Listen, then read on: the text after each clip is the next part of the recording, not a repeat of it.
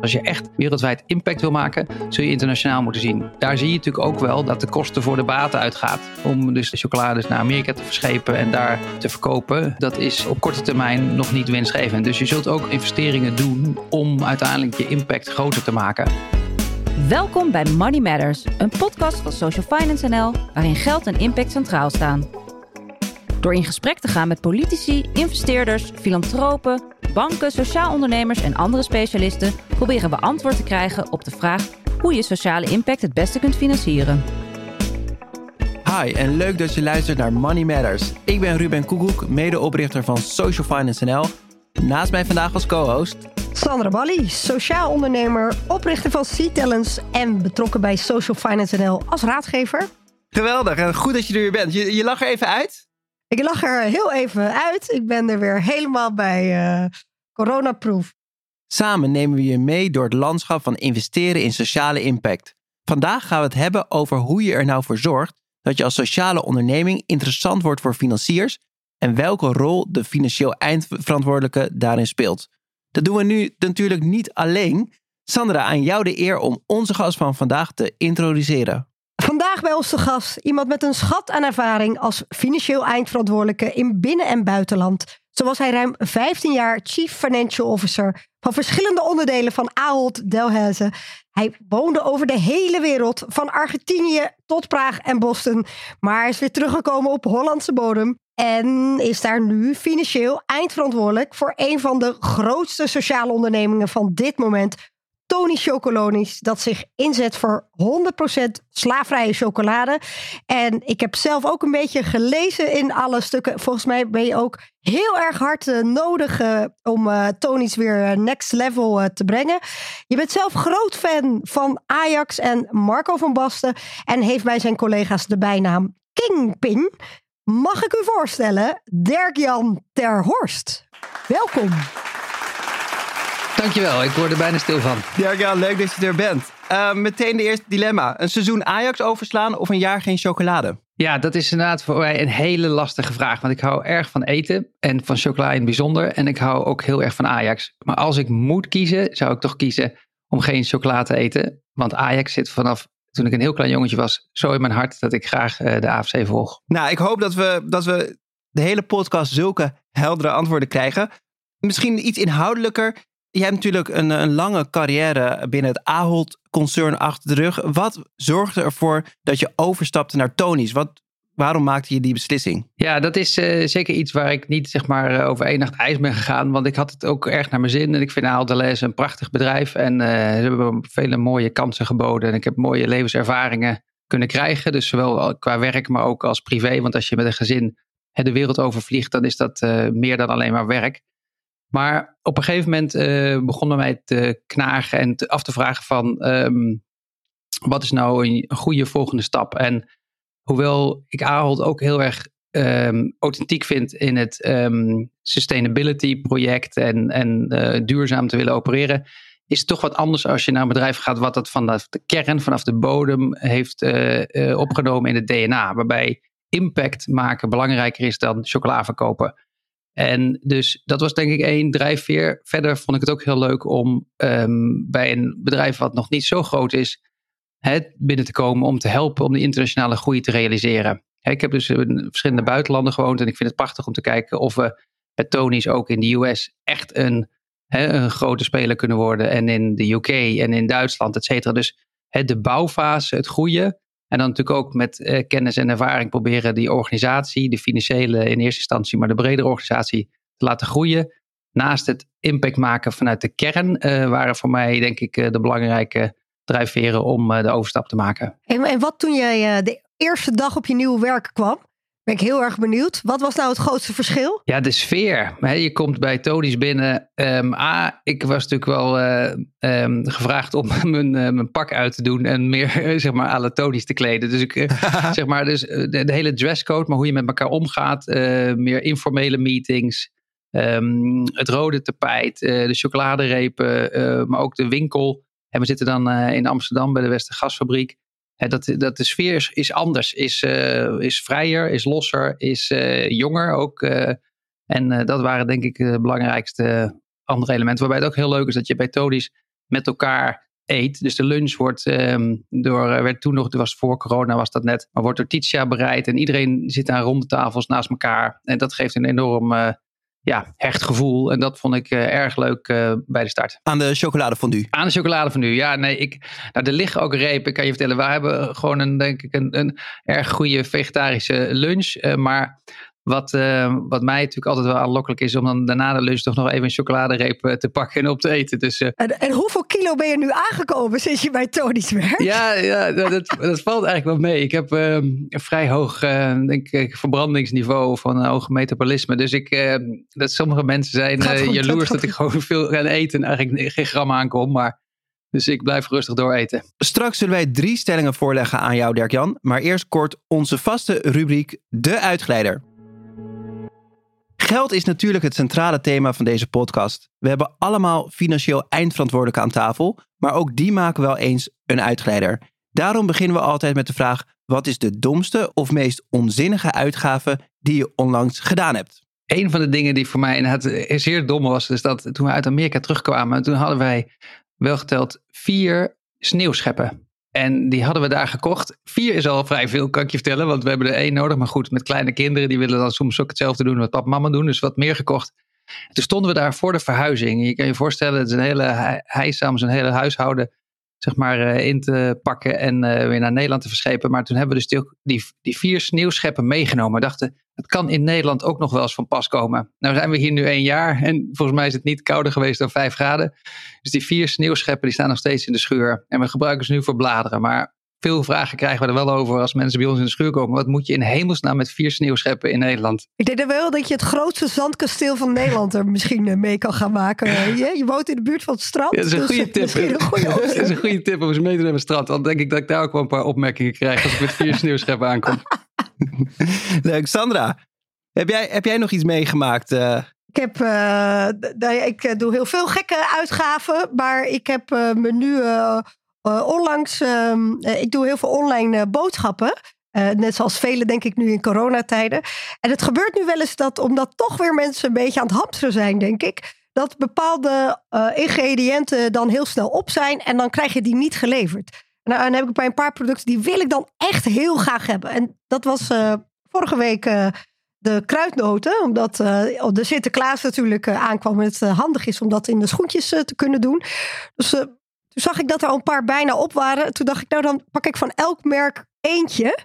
Want dan weet ik zeker dat we in ieder geval eentje hebben. Maar ze werden allemaal geleverd. Dus ik, als je nog wat kruidnoten wil, ik heb er nog een paar kilo over. Mooi, mooi.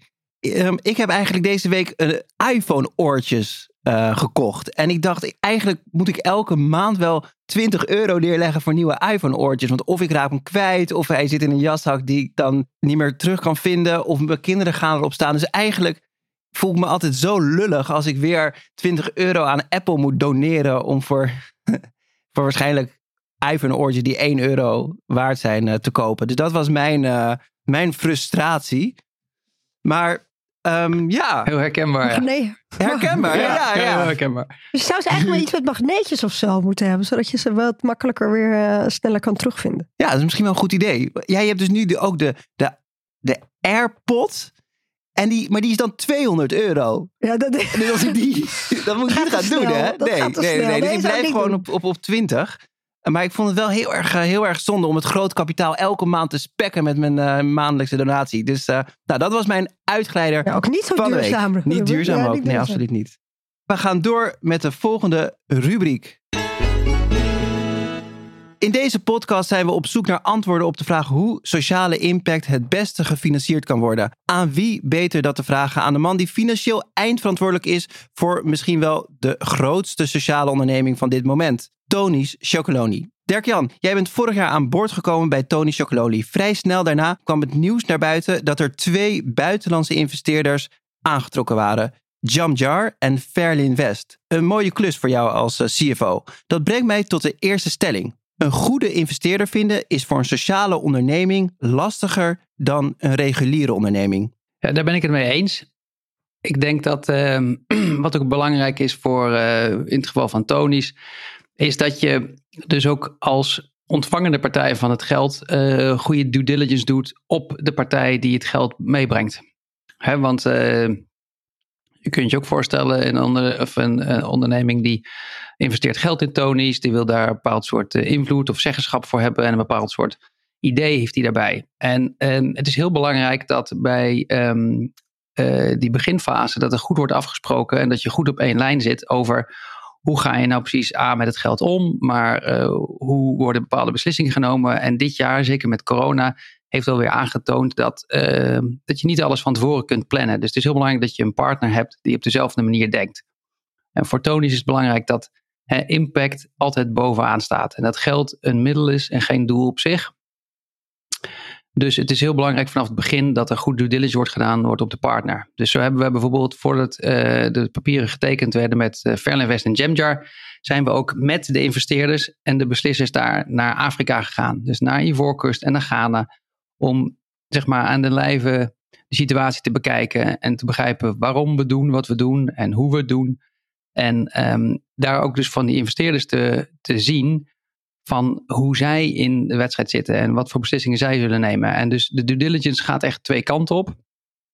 Pas als je het gevoel hebt, ja, dit is niet alleen een partij die hè, eh, de investering wil doen tegen de juiste waarde en op de juiste wijze, maar die ook, als er uh, op een gegeven moment uh, misschien een, een trade-off gekozen moet worden tussen bijvoorbeeld profit of impact, dat die ook op dezelfde manier denkt. En dat is denk ik heel belangrijk. Dus niet alle investeerders uh, zijn de juiste partner uh, voor Tony's. En dan heb ik het dus niet over waardering of dat soort elementen. Heb jij dan als CFO ook een, uh, een doel vanuit de investeerders meegekregen die niet alleen financieel rendement is, maar ook impactrendement? Nou, um, we hebben natuurlijk als Tony's um, dus doelstellingen op zowel impactgebied als financieel. En die deel je en wat je eigenlijk doet, maar je moet eigenlijk nog voordat je want je gaat natuurlijk een soort van, hè, je wordt natuurlijk partners van elkaar, je gaat een soort uh, route met elkaar in. En dus het is belangrijk, dus niet alles kun je natuurlijk van tevoren hè, op papier zetten. Dus het gaat eerst om hè, uh, wat zijn de drijfveren en, en,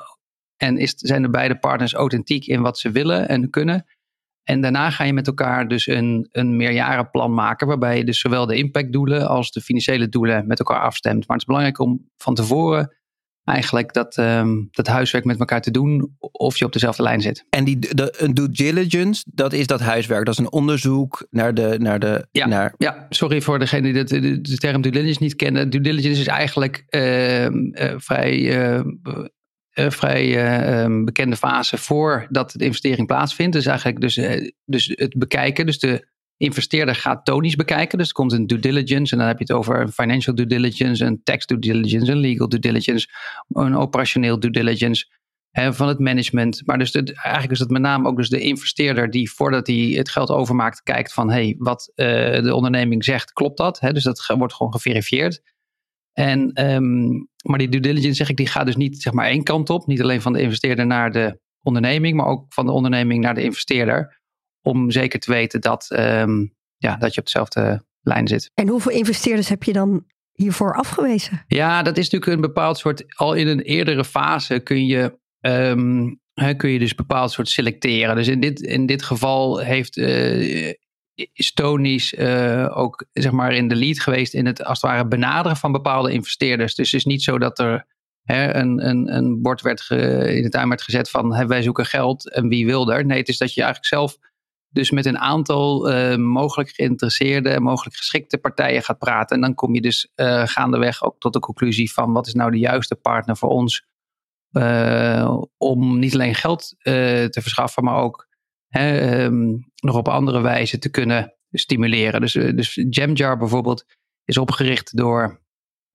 En is, daar hebben we de partijen die Innocent hebben groot gemaakt. daar is een van de oud-oprichters van Innocent, is dan uh, bij ons in de Raad van Commissarissen komen zitten. Die heeft veel ervaring ook met de volgende fase, het groter maken van een, van een merk. Dus dat is bijvoorbeeld uh, één element wat Innocent uh, bijbrengt. En Verlinvest heeft naast het geld ook veel andere investeringen hè, die duurzaam en goed zijn. Die we hebben zijn onder andere ook aan de houden van Oatly. En dan heb je ook weer een bedrijf wat Hè, wat, hè, waar we ook weer wat van kunnen leren. dus je, je, probeert een investeerder te zoeken die niet alleen het geld meeneemt, maar ook kan helpen bij de verdere groei. En hoe heeft het Tonisch nu al geholpen?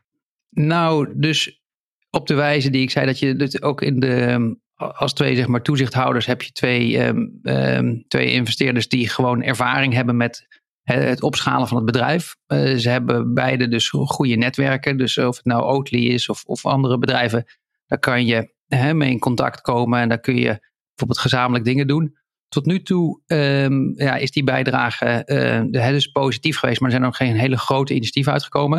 Het is ook wel belangrijk om op te merken dat um, het zijn minderheidsaandeelhouders. Dus ook met name dat zij, um, uh, dus, dus, dat zij als het ware meegaan met Tony's. Maar het is wel duidelijk Tony's die de agenda heeft gezet. En, en daar tekenen zij op in. Dus het is, uh, het is verschil natuurlijk of je een minderheidsaandeelhouder uh, aantrekt of een, meerderheidsaandeelhouder. Dan, hè, dan gaat de, de, balans natuurlijk veranderen. Maar in dit geval is de minderheidsaandeelhouders. Dus met name Tony's die um, die investering aantrok. Met name ook om hè, dus de groei verder te supporten. Maar met name ook hè, om het uh, chocoladecircus hè, mogelijk te maken. Daar hebben we met name ook het uh, kapitaal voor, uh, voor nodig. En je zegt iets heel interessants. Dat eigenlijk als sociaal ondernemer dat je ook de nieren van de investeerder moet proeven. En niet alleen andersom. Um, Verlinvest is van de, van de families achter uh, InBev, de grootste bier, bierbrouwerij ter wereld. En Jamjar gaf jou aan, dat zijn degenen die, die Innocent groot hebben gemaakt en verkocht. Ik zag dat Jamjar ook in Deliveroo zat. De, de bezorgdienst die verleden jaar veel in het nieuws is geweest, omdat ze bezorgers als ZZP'ers uh, hadden die eigenlijk in dienst waren. En daar is veel maatschappelijke onrust over. Spreek je ze daar dan ook over aan of, of gaat het niet zo ver? Nee, dat gaat. Uh, dus het is zeker van belang dat wij. Um, net ik zei, aan het begin doe je due diligence. Maar als er, als er manieren. Als we tot de conclusie zouden kunnen ko komen. Dat zij dus niet op dezelfde lijn zitten. dan, dan heb je zeker daar het gesprek over. Dus er wordt wel zeker op aangesproken. Maar hè, dat is ook een bedrijf die in ja, A, tientallen ondernemingen zit. En, um, en, uh, maar, en dus als we geloven dat zij authentiek erin zijn, dan zullen zij ook die investering in Deliveroo, als er misstanden zouden zijn, zouden ze daar afscheid van kunnen nemen.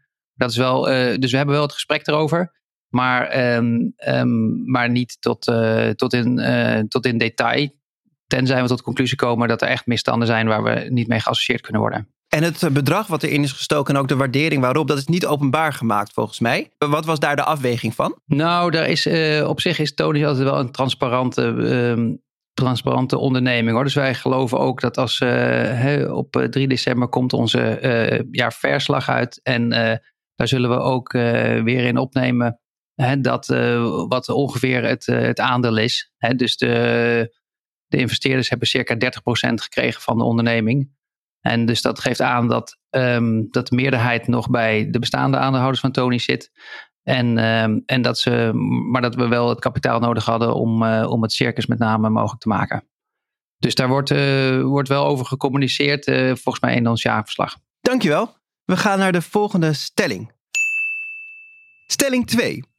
In een idealistisch bedrijf houdt de CFO iedereen financieel bij de les. Ja, ik denk, um, het verschilt natuurlijk. Er zijn verschillende CFO's en verschillende bedrijven. En daarbij ook verschillende manieren hoe, uh, hoe, hoe, mensen het bedrijf aansturen. Ik denk dat, um, waar je misschien in de stelling op doelt, is dat uh, in, een, in een bedrijf met een sociale um, kern en idealistische doelstellingen, dat het misschien meer nodig is. Kijk, het gaat volgens mij erom dat je, en dat vind ik een van de grote krachten van Tonis, uiteindelijk is het niet zozeer dat sociaal en commercieel dat dat eh, elkaar hoeft uit te sluiten. En ik denk dat um, als je hem nog in een iets breder perspectief plaatst, dan denk ik dat het, um, het aloude denken van shareholder value en het economisch model, wat met name he, Friedman startte in 1970, he, dat dat wat ook heel lang um, heel veel support heeft gekregen, dat dat model eigenlijk outdated is. we weten allemaal dat dat we de aarde, dat we daar zorgvuldig mee om moeten gaan. Dat we ware een bruikleen hebben van onze van toekomstige generaties. En dat we dus eigenlijk bedrijven moeten starten die zowel sociaal um, duurzaam als ook uh, commercieel uh, goed zijn. Dus voor Tony's begrijpen uh, de impact begrijpt heel goed dat hoe commercieel succesvoller we zijn, hoe meer impact we kunnen maken. Want hoe meer we verkopen, hoe meer bonen we kunnen afnemen. Dus hoe meer boeren we op een leefbaar inkomen kunnen krijgen. En vice versa begrijpen we ook dat, um, dat de consumenten nu in de toekomst zorgen naar, eh, zoeken naar uh, ondernemingen die duurzaam en sociaal zijn. Dus we weten ook, de commerciële mensen. Dus in die zin, als je commercieel en, en sociaal bent, uh, dan denk ik dat je een winning combinatie hebt. Dus om even terug te komen op je vraag van mensen bij de les houden. Als je dus plannen vanaf de kern maakt die zowel doelstellingen hebben op het gebied van impact als ook commercieel. En als de verschillende tonies die aan verschillende projecten werken dat ook realiseren van elkaar, kun je dus een heel goed jaarplan maken wat beide elementen bevat dus wij gebruiken systematiek OGSM, dat staat voor Objective Goals, um, Strategies en Measures. En als je dus één geïntegreerd plan hebt waar die verschillende elementen in zitten, dan kun je denk ik um, uh, als onderneming uh, heel duidelijk één plan hebben, waarbij het een dus het ander niet hoeft uit te sluiten. En dan heb je denk ik als CFO een vergelijkbare rol in andere ondernemingen. Dat je natuurlijk met elkaar het gesprek aangaat van hey, halen we de doelen die we halen? Als er iets tegen zit, wat kunnen we doen? Wat zit erachter? He, maar dat is denk ik een vergelijkbare rol. Dus het is meestal geen trade-off. Maar ik kan me wel voorstellen, bijvoorbeeld in jullie jaarverslag lees ik wel dat jullie substantieel veel geld kwijt zijn aan de impactdoelen. Dus jullie betalen natuurlijk de boeren een premium. Jullie doen veel eigen onderzoek naar, om jullie impact te meten. Dat kost hartstikke veel geld. Ik kan me voorstellen dat jij ook wel zegt van dat vind ik ook super belangrijk, maar we hebben ook financiële doelen. Kan dat niet ietsje minder? Ja, nou kijk, als je kijkt naar die dus, ja, het is, het is nou net hoe je het bekijkt of het veel geld of weinig geld is. Hè? Wij vinden dat uh, natuurlijk uh, dat uh, in essentie dat de boer om dus extra premie te betalen zodat hij een leefbaar inkomen krijgt, dat dat niet veel geld is. Hè? Want die verdienen dan zelfs met de premie en de extra bijdagen, hebben het over 2200 dollar op jaarbasis voor een, voor een boer en zijn gezin. En als je het nou kijkt op het tonisch totaal, dan zijn die, die premies bij elkaar kun je ook lezen in het jaarverslag rond de 5 miljoen op een omzet die we vorig jaar hebben gerealiseerd van rond 88. Dus het is tussen de 5 en de 6 procent. Wij zien dat gewoon als uh, ja, cost of doing business. Net, alsof, uh, net als andere grondstoffen of andere kosten die je in een onderneming hebt. Hè? Dus, dus je zult dus in die zin wel zeker op de korte termijn minder winst maken. Maar zoals eerder gezegd, winst is voor ons een middel en geen doel. En als je uiteindelijk natuurlijk gaat groeien, dan dan, dan, dan leidt dat ook wel weer tot bepaalde schaalvoordelen. Dus ik vind het niet noodzakelijkerwijs veel. Tuurlijk moet je het wel in balans houden, want het totaal moet passen. Maar eh, tot nu toe uh, lukt, dat, lukt dat aardig. Dus we hebben minder winst dan andere bedrijven, misschien van deze omvang. Maar we denken dat het juist uiteindelijk daar niet om gaat. En dat het gaat om de impact die we maken bij de boeren. En, en zolang we een economisch model kunnen maken dat wel past, hè, zodat we wel het rond kunnen rekenen, dan denk ik dat, ehm, dat je gewoon uh, verder kunt groeien en uiteindelijk meer impact kunt maken. En dus winst is, uh, is zeker niet uh, de belangrijkste doelstelling. Mag ik je ook nog een kritische vraag stellen? Zeker. Want ik heb hem ook een paar keer voorbij horen komen, maar ik ben heel erg benieuwd. Um, als ik een andere Fairtrade chocoladereep erbij pak en hem vergelijk met Tony's, zit er meer prijs in Tony's. En nou dacht ik altijd dat die meerprijs heel erg zat in dus die extra bijdrage voor de boeren en de maatschappelijke impact. Uh, maar als ik dus ging uh, terugrekenen vanuit uh, de getallen, zit hè, die meerprijs is zeker een gedeelte daarvan. Maar dit is ook nog een heel groot gedeelte wat een meerprijs is, wat dat niet is. Waar zit dat hem dan in? Ja, ik denk dat, je, dat we ook natuurlijk een uh, grote uh, de kwaliteit van de. We doen de dingen we, willen we op de juiste manier doen. Dus we hebben met Barry hebben we een, een, een, een, een klassepartner, nou ik het maar zo zeggen. we gaan voor de hoge kwaliteit voor chocola. We gaan voor goede ingrediënten, zowel in het product als in, in, in de verpakking, et cetera. Dus die, je kunt het ook in ons jaarverslag zien. Wij maken winst, vorig jaar een klein beetje. Uh, dit jaar een klein beetje meer. Dus, dus die kosten zitten eigenlijk wel in, in de productie en in de groei. En natuurlijk wel in een organisatie. Voor ons om impact te maken, willen wij en moeten wij in de grote chocoladelanden uh, succesvol zijn. Dan heb je het over Amerika, dan heb je het over Duitsland, dan heb je het over Engeland, et cetera. Het is leuk dat wij in Nederland marktleider zijn, maar Nederland is maar een, heel beperkt uh, klein land in de, de, wereldwijde schaal. Dus als je echt wereldwijd impact wil maken, zul je internationaal moeten zien. Daar zie je natuurlijk ook wel dat in een aantal van die landen dat de kosten voor de baten uitgaat. Hè, om dus naar uh, chocolades naar Amerika te verschepen en daar uh, te verkopen. Hè, dat is op korte termijn nog niet winstgevend. Dus je zult ook een bepaald soort wel investeringen doen om uiteindelijk die groei en uiteindelijk je impact groter te maken. Dus daar zit nog wel ook een deel van de investeringen voor, voor Tony's. En wat zie je zelf nu als jouw belangrijkste taak als CFO op dit moment?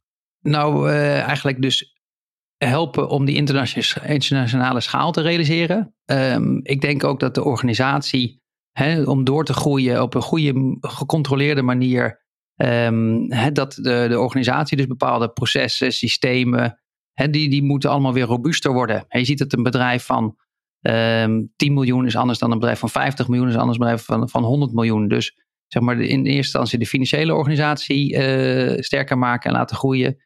Uh, ondersteunen bij de internationalisering van Tony's. En uh, dus doorgaan met, ehm, met het vergroten van de impact.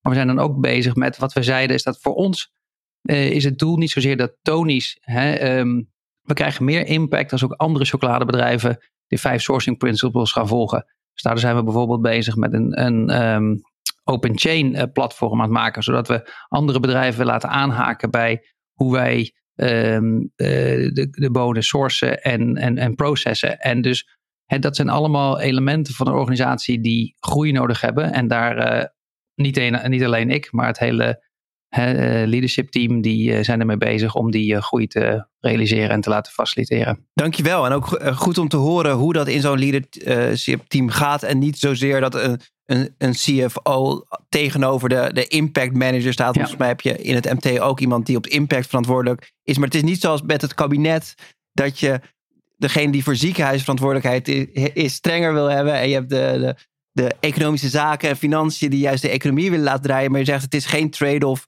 Het, uh, het versterkt elkaar ja, juist. We geloven in de kern dat uh, sociaal en commerciële, uh, sociaal succesvol, economisch succesvol, commercieel succesvol, dat dat samen gaat en dat versterkt elkaar. En dat is denk ik een van de kernelementen waarom Tony's is geworden tot wat het nu is. En met nog potentie om natuurlijk veel groter te worden. Dank je. En tot slot, over bij de les. je hebt natuurlijk een enorm inspirerende en ambitieuze CEO, Henk-Jan Belman.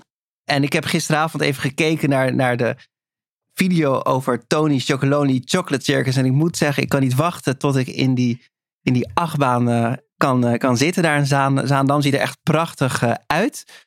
Um, als CFO, heb je, heb je ook wel eens, wel eens buikpijn van zo'n groot project waar nog weinig ervaring mee is en wat natuurlijk best wel een stevige stevig financieel effect heeft en waar ook investeerders bepaalde verwachtingen bij hebben? Ja, voor het, het chocoladecircus is natuurlijk een fantastische uh, ambitie en uh, is denk ik heel belangrijk voor, voor, voor het merk en is ook heel belangrijk voor de omgeving en is ook ontzettend fun en, en, en mooi. Maar ook zit natuurlijk een enorm educatief element in om alle bezoekers echt te laten realiseren wat zich in de cacao chain afspeelt en hoe het werkt. En we geloven erg dat het ook belangrijk is voor mensen te laten begrijpen wat je precies eet als je een reep koopt. Dus, um, en op je vraag terug te komen, heb je er wel eens buikpijn? Nou, het is wel heel belangrijk. Um, dus antwoord uh, ja. Het is niet zo van, oh, dat is een leuk project, dus laten we het doen. Hè, dat is daarvoor te groot. Uh, en, en, en daar zitten dus zeker echt elementen in waarbij je zegt van oké, wat is het, het risico wat wij willen lopen? Wat is het risico dat een vastgoedpartner en een chocoladepartner met elkaar aangaan? Dus we hebben dus nu het project even gepauzeerd omdat we dus in de coronatijd ook niet het juiste moment was om daar op door te pakken. Maar het is zeker niet van tafel en we verwachten dat het een kwestie van tijd is dat we het kunnen realiseren. Hey, en ik ben nog heel benieuwd eigenlijk. Welk bedrijfsonderdeel binnen Tony's zou jij nog socialer willen zien? Hmm, nog socialer. Het werken wat we doen in Afrika is prachtig en fantastisch. Maar daar wil je natuurlijk verder in door er is net een, uh, een NORC-rapport uitgekomen wat aangeeft dat er dus nog zoveel kinderen in de cacao-chain werken. En dat er nog zoveel boeren en coöperaties zijn die, uh, die, uh, die nog gewoon hulp nodig hebben. Dus eigenlijk voor ons zijn er nog allerlei ideeën om verder te gaan. Zodat ook de, de, de, de, de plantations ook, dat die echt op een heel organische manier een circulair als het ware systeem krijgen. Zodat de productie goed is. Dus het, het helpen ook van. Ehm, en daar, wij zijn natuurlijk geen, uh, geen, geen biologen. Maar als je bijvoorbeeld nog kan samenwerken met andere instanties om te helpen dat de productie in, in Afrika nog beter gaat en die boeren echt verder helpt. Daar zijn, staan we natuurlijk eigenlijk nog aan het begin. Want het is, uh, het is gewoon, de misstanden zijn natuurlijk nog zo groot. Dus daar willen we eigenlijk nog veel verder in. Ik denk dat dat eigenlijk de manier is. Dat het zou prachtig zijn als wij door andere partijen aan te sluiten volume kunnen vergroten. En als we eh, gewoon de grote chocopartners ook uh, stappen gaan zetten. Dat we gewoon het leven voor die boeren beter kunnen maken. Maar dat is natuurlijk uiteindelijk de missie van Tony's. En daar zijn we prachtig op weg, maar er is ook nog een hoop te doen.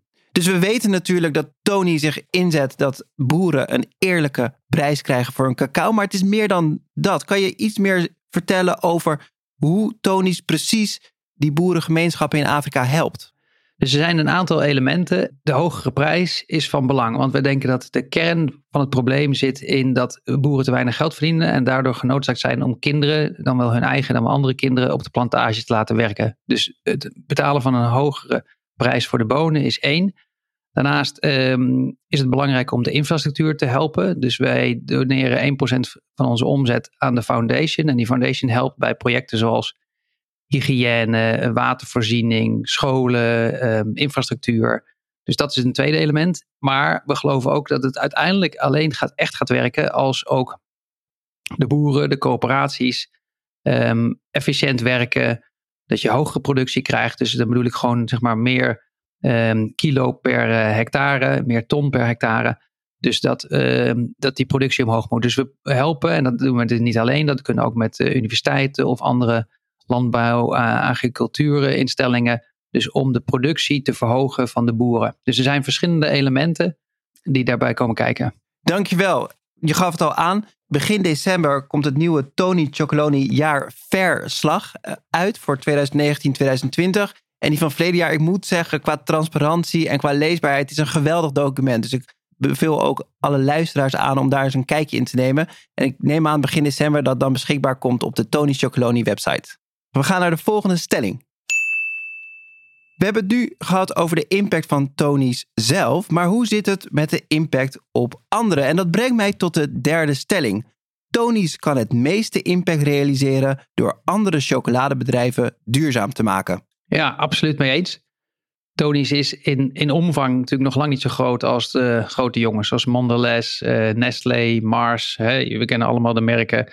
Of de, de KitKat of de Mars of de Toblerone is of de Milka of uh, nou, allerlei chocoladeproducten die er natuurlijk zijn. Die worden allemaal natuurlijk geproduceerd met bonen. En wij vinden dat de misstanden helaas in de cacao-industrie niet uh, structureel zijn verbeterd. Er is twintig jaar geleden een Hark Engel rapport uitgebracht met allerlei doelstellingen. En als je nu kijkt, dan is eigenlijk substantieel niet echt iets verbeterd voor, voor de industrie en daarmee voor de boeren en de kinderen in, in, in kwestie. Dus wij vinden het heel belangrijk dat dat verandert. En um, dat kunnen wij niet alleen. Dus wij nodigen A-partijen uit om met onze, op basis van onze five sourcing principles onderdeel te worden van onze open chain. En Albert Heijn is daar een mooi voorbeeld van. He, die is al haar private label uh, chocola koopt volgens dezelfde sourcing principles. Maar uh, ook dat is niet, uh, niet voldoende. Dus uiteindelijk zal de echte impact er komen als de grote chocoladebedrijven ook ehm, meer verantwoordelijkheid nemen in de supply chain. En meer verantwoordelijkheid nemen voor wat er gebeurt bij de cacao-productie. En dat is uiteindelijk het doel. En dus door um, ook in die grotere markten dus actief te zijn, om daar wat we noemen dus de issue awareness te vergroten. Want heel veel mensen die chocola eten, hebben geen idee van wat daar precies gebeurt in die supply chain. En dus door gewoon dat verhaal te vertellen, en dat kan via de media, dat kan via de politiek, dat kan uh, via journalisten, dat kan via onze eigen producten. Op allerlei manieren, social media, hopen we gewoon die issue awareness te vergroten. En we hopen dat uh, die partijen zich ook uh, meer verantwoordelijkheid willen nemen en kunnen nemen en gaan nemen om de misstanden aan te pakken. Want het is gewoon in deze tijd, in deze eeuw, is het natuurlijk doodzonde dat een product wat gewoon een luxe product is, dat er zoveel ehm, misstanden aan het begin van de keten zitten. Dus dat kan niet alleen. Dus dat is belangrijk om die partijen te blijven aanspreken, te blijven incentiveren en met name via de consument is natuurlijk een prachtige manier. Ik lees over het Open Chain platform, dat gaf je net ook aan. Kan je iets meer vertellen? Hoe werkt dat dan? Hoe komen we aan onze chocola via de normale manier? En, en, en wat is het verschil dan met die open chain benadering en met die Tony? En hoe weet je dan waar die cacaoboon vandaan komt? Ja, dat zijn, en dat kun je ook in het uh, jaarverslag le lezen. Hè. Er zijn dus vijf, wat wij noemen, uh, principes van onze vijf sourcing principles. Hè, dat zijn de, de bonen moeten traceerbaar zijn. Dat je precies weet welke boon komt waar vandaan en waar gaat hij naartoe. Je betaalt dus een hogere prijs.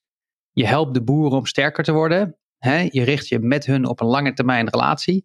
En, uh, en je hebt een betere kwaliteit en productiviteit. Dus wat wij dus doen is dat wij bedrijven uitnodigen die zelf andere chocola, de verkopers uitnodigen om uh, onderdeel te worden van onze open chain. Daarmee bedoelen we dat zij volgens dezelfde vijf sourcing principles uh, kopen. En dat kan dus zijn dat wij het voor hun organiseren. En dat ze dus uh, daaraan meedoen. En dat ze ons die, die bonen laten kopen, traceren. alle informatie delen we open. En daarom is het een open chain proces. En, en dus Albert Heijn is daar onder andere op ingestapt. Dus alle het Delicata chocola, die wordt dan via de Tony's vijf sourcing principles via dezelfde keten gekocht. En die, die bonen die dus in de Delicata verwerkt worden, daar is ook een hogere prijs voor betaald. En dat is op dezelfde wijze gegaan. En dus, want niet alle bedrijven hebben de infrastructuur of de tijd of de kennis om het op te zetten. Daarom dachten wij, als wij nou zelf die five sourcing principles organiseren, dan kunnen andere bedrijven daar als het ware op meeliften. En dan is uiteindelijk uh, dat in het belang van de boer en de coöperatie. Dus dat is iets wat we bijvoorbeeld aanbieden, waar we nog verder in willen groeien. En wat denk jij wat die grote chocolate makers nou nodig hebben om je daadwerkelijk voor te gaan kiezen? Nou ja, uiteindelijk de consument natuurlijk. Hè, de consument beslist uiteindelijk. Dus als consumenten uh, niet tevreden zijn over de manier hoe er gesourced wordt voor de grote bedrijven. En als die, die stem natuurlijk sterker wordt en dat in de media komt. Dat is natuurlijk een, een, een belangrijke drijfveer voor die bedrijven. Die misschien vastzitten in winstdoelstellingen, in andere commitments en niet uh, zich genoodzaakt voelen om het probleem echt in de kern aan te pakken. Als de consument dan wil de politiek, en het liefst natuurlijk allebei, hè, een zwaardere stem laten horen, dan uh, zie je natuurlijk dat dingen in beweging komen. Duidelijke boodschappen aan de, aan de luisteraars. Koop meer chocola of Tony's of andere partijen die zich met de open chain uh, hebben aangesloten. Verwacht je naast Albert Heijn met Delicata, verwacht je snel nieuwe partijen die zich daarvoor aan gaan melden? Ja, we zijn er druk mee bezig. Wij, uh, wij, wij verwachten dat ook in het komend jaar uh, dat er meer partijen zich gaan aansluiten op de Tony's Open Chain. Kan ik nu nog niks over zeggen, maar er zijn, we zijn goede gesprekken met, met partijen. Er zijn meer partijen die het ook willen doen. We gaven al aan, deze podcast gaat over het financieren van sociale ondernemingen of van sociale impact. En er zijn natuurlijk heel veel ondernemingen in de beginfase. En Tony's is, is al een stuk verder. Maar we vroegen ons eigenlijk af, wat is de, de endgame? Waar, waar gaat dit uh, eindigen? Gaat Tony uiteindelijk naar de beurs? Niet alleen met een winkel, maar met een notering? Of, of wordt uiteindelijk een, uh, neemt een groot, groot bedrijf Tony's over? Waar, waar, zie je, waar zie je het schip uh, naartoe gaan? Ja, dat is nog moeilijk te zeggen. En wat ik al eerder zei, wel, je ziet ook in een jaar als corona dat er dus, dus je, kunt niet uh, um, tien jaar vooruit plannen over hoe dingen precies gaan voor ons is het belangrijk omdat we dus nu met die investeerder voldoende geld in de kas hebben om onze groei, maar ook ons, uh, ons chocoladecircus te gaan realiseren. Verwachten we dat dat eigenlijk de komende jaren onze horizon is. Het is voor ons heel belangrijk om dus die impact en ook die voet aan de grond goed in de markten zoals Amerika en Engeland en Duitsland. Om daar echt de speler van het formaat in Nederland te worden. Dat is de horizon nu. Um, waar het uiteindelijk toe leidt, ja, dat kan eigenlijk bijna. Hè, het kan, die verschillende scenario's zijn allemaal nog op tafel uh, hoe het zou gaan, zal gaan. Alleen denk ik dat het heel belangrijk is voor ons, en dat is ook opgenomen in de uh, overeenkomst met uh, investeerders, dat uiteindelijk is het belangrijkste dat we uiteindelijk voor Tony's, als het van eigenaar gaat veranderen, dat het een eigenaar is die de impact blijft doorjagen. Want dat is de kern van het bedrijf, dat is hoe Teun van de Keuken het heeft gestart, dat het uiteindelijk waar het om te doen is. Dus het kan maar één uitkomst hebben: dat het een eigenaar is die impact vergroot en, en, um, en uh, sterker maakt. En dat is uiteindelijk natuurlijk de, de verplichting die we hebben naar de boeren, maar ook naar onze eigen kinderen. Want we moeten natuurlijk in Nederland steeds meer, meer bedrijven hebben die niet vanuit zeg maar, de value proposition, alleen maar het economic model volgt, maar juist bedrijven die sociaal, commercieel, economisch sterk zijn en uiteindelijk laten zien dat uh, een investering in een sociaal uh, bedrijf uh, goed is en een goede ook winst geeft. Maar dat er meer successtories zijn. Want dat is natuurlijk de manier uiteindelijk om de economie. En dan heb je het over een veel groter plaatje dan chocola. Heb je het over een veel groter plaatje dan Tony's. uiteindelijk meer successtories te hebben die een ander economisch model voorstaan en laten zien dat dat succesvol is. En dan doe je natuurlijk echt iets goeds voor, voor de maatschappij. En ik las in het, in het FD las ik over de vegetarische slager die door Unilever is overgenomen. De vegetarische slager heeft natuurlijk fantastisch gedaan de afgelopen jaren. maar doordat ze door Unilever zijn opgenomen, is, het, is de omzet echt door het dak gegaan. En zijn er deuren geopend bij de Burger King en, en wereld, wereldwijd. Jij geeft aan van, ja, ik weet nog niet waar het naartoe gaat. Maar denk jij dat Tony ook alleen verder kan groeien? Dat je ook zo'n enorme groei kan maken zonder het verkoopkanaal van die grote partijen? Of zeg je van, ja, als we ervoor kiezen om echt zelfstandig te blijven, ja, dan zullen we wel qua groei iets uh, moeten inleveren dan het scenario dat je echt aanklampt bij zo'n groot bedrijf? Ja, nou, ik denk zeker dat een, uh, een, groot bedrijf met de juiste impactagenda, uh, je noemde net Unilever, dat zo'n bedrijf Tony's natuurlijk ook nog weer een stuk verder kan helpen. Tuurlijk, die bedrijven die kunnen, en ik denk eventjes aan, aan Innocent, hè, een van onze mede-aandeelhouders, die uiteindelijk de Coca-Cola overgenomen. En dat heeft de groei ook weer laten stijgen. Of ze kunnen bepaalde, net wat je zegt, deuren, netwerken, distributie, infrastructuur of uh, bepaalde sourcing schaal die je weer kunt realiseren. Dus uiteindelijk is het wel ook zeker mogelijk dat Tony's wordt overgenomen door een strategische partner die de impact en de groei verder nog kan laten groeien. Dus dat is zeker ook een mogelijkheid. Het is alleen niet de agenda voor de komende paar jaar. We zijn denk ik heel content met de investeerders. We zijn heel content met onze situatie. En het is eigenlijk aan ons om omzet te laten groeien in de buitenlanden, om de impact te vergroten, om open chain te laten groeien. Dat is de agenda voor Tony's voor de komende paar jaar. Er luisteren natuurlijk tal van sociaal ondernemers die al aardig op weg zijn, maar ook die groei willen realiseren die bij Tony's zien en op zoek zijn naar investeerders. Dirk-Jan, wat zou jouw advies zijn voor deze ondernemers als zij in gesprek gaan met potentiële investeerders? het versterkt de positie van een sociaal ondernemer natuurlijk enorm als je zowel het sociale als het commercieel-economische um, goed laat samenwerken. En als je dus uh, kunt laten zien dat er een goed business model achter zit. Dat is denk ik een van de redenen waarom Tony's um, die investeringen uh, toch relatief eenvoudig uh, goed op kon tuigen. En goed zelf ook kon selecteren wie is mijn juiste partij. Um, dus het belangrijkste, denk ik, voor de sociale ondernemers is kijken naar het businessmodel. En, uh, en is dat schaalbaar? Is dat op den duur dus ja, economisch viable? Met ook de sociale impactkosten erin verwerkt. Dat is denk ik de eerste. Daarnaast is het misschien nog wel goed om te zeggen dat tot dus dit jaar, en Tonis is dan hè, nu bijna 15 jaar oud, dat tot dit jaar de enige financiering die er plaatsvond was bankfinanciering. He, dus eigenlijk waren de, de, aandeelhouders hadden alle aandelen. Er waren verder geen, geen, geen financieel investeerders of, of anderszins ingestapt. Dus als wij niet zeg maar, de ambitie van het circus hadden gehad, dan was dat waarschijnlijk, hadden we nu ook geen investeerder aangetrokken. Want de groei, als je dus een sociaal en economisch commercieel model hebt wat werkt, dan kun je die prima financieren met bankfinanciering. Dus, um, en dan heb je in ieder geval sowieso uh, alle kaarten zelf op zak. Dus in die zin um, is het economisch model denk ik belangrijk. Daarnaast, als je dus wel op zoek bent naar um, aandelen of anderszins zijn er tegenwoordig ook allerlei nieuwe manieren die opkomen. dus, uh, dus je hebt ook tegenwoordig Tonify, je hebt uh, crowdfinancing, natuurlijk One, One, One Planet Crowd platformen die gestart worden. Dus er zijn nieuwe manieren die opkomen om aan je financiering te komen. Maar het start wat mij betreft altijd bij je economisch model. Dus een goed economisch model, maar ik proef hier ook in, geef je aandelen niet te vroeg weg. Ja, ik denk dat dat, dat, dat van belang is. Ja, zeker als je een heldere koers hebt en, uh, en, en hoe, dus niet te vroeg, denk ik. Want je weet niet uh, precies hoe het gaat en wat die investeerder precies voor agenda heeft. En als je dus te vroeg weggeeft, dan is het natuurlijk ook zo dat je natuurlijk hè, voor bepaalde, voor hoeveelheid geld dus meer zeggenschap moet weggeven.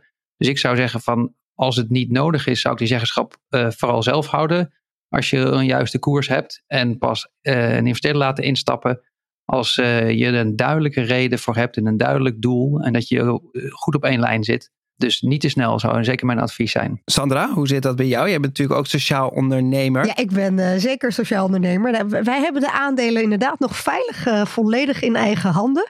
Um, ik denk dat ik graag nog de koers zelf in handen wil houden. Nou, ik zit ook nog niet op het niveau als uh, Tony's. Dus ik denk uh, nou ja, dat als wij rond de 70 miljoen omzet zitten, dan uh, bel ik Dirk Jan nog even. En dan is hij misschien op zoek naar een leuke nieuwe klus. Het zou zomaar kunnen. Maar ik, ik, ik, denk dat een grote uitdaging die er zeker is, je moet een partij hebben die ook daadwerkelijk je impact wil voortzetten. En dat is denk ik de angst van elke, elke social entrepreneur. Je wilt uh, nooit uh, alles wat je hebt opgebouwd, de beweging die je hebt opgezet, ergens laten stoppen. Omdat iemand alleen geïnteresseerd is in het financiële component van je verhaal. Ja. Dus dat, dat goed in kunnen regelen en dekken, dat, ik denk dat jullie dat heel mooi hebben kunnen doen. En Sandra, wat, wat neem je nog meer mee uit dit gesprek? Wat is jouw belangrijkste gedachte die wat is blijven hangen? Nou, heel kort, ook de due diligence de andere kant op ik denk dat heel veel, uh, ook social entrepreneurs, maar ondernemers die überhaupt alleen maar nadenken over, uh, hè, zou er een investeerder met mij meegaan? Nou, uh, misschien nog niet helemaal nadenken over welke due diligence zou ik dan doen naar de andere kant op. En inderdaad geen bord in de tuin, give me money, maar heel gericht zelf selecteren wie past er daadwerkelijk bij onze missie en ons bedrijf om hem verder te helpen. Geweldig. En wat ik heel bijzonder vond, is dat het echt werkt. Dat als je je echt concentreert op uh, impact maken, en dat komt in het gesprek naar voren, maar ook in het jaarverslag, dan, dan komt dat aan. Dan komt het over op de consument. Want, want mind you, we hebben natuurlijk uh, geprobeerd de vinger op de zere plek te leggen, maar in 15 jaar van niks van een tv-programma is Tony Chocoloni gewoon het grootste chocolademerk van, van Nederland. Groter dan Milka of Mars of wat dan ook. Dus dat is een enorme prestatie. En natuurlijk moeten meer mensen chocola kopen waar geen slavenarbeid of, of kinderarbeid bij is uh, komen kijken. Maar dit is echt al een mega prestatie. En ik hoop dan ook dat het jullie lukt om dat uh, wereldwijd uit te rollen. Want dat is een prachtig exportproduct voor Nederland als dat uh, zo gaat lukken. Ja, helemaal eens. Dankjewel Dirk-Jan voor je tijd en interessante inzichten. Ook dank aan mijn co-host Sandra en ABN AMRO en het Oranje Fonds voor het mede mogelijk maken van deze podcast. Productie Daniel van der Poppen, redactie Daphne Sprecher en Daphne Salvino. Wil je niks missen van deze reeks? Abonneer je dan op de podcast op Spotify, iTunes, Soundcloud of het je favoriete podcastkanaal. Vergeet ook niet een recensie achter te laten in de iTunes podcast app of neem een kijkje op onze website www.sokvin.nl.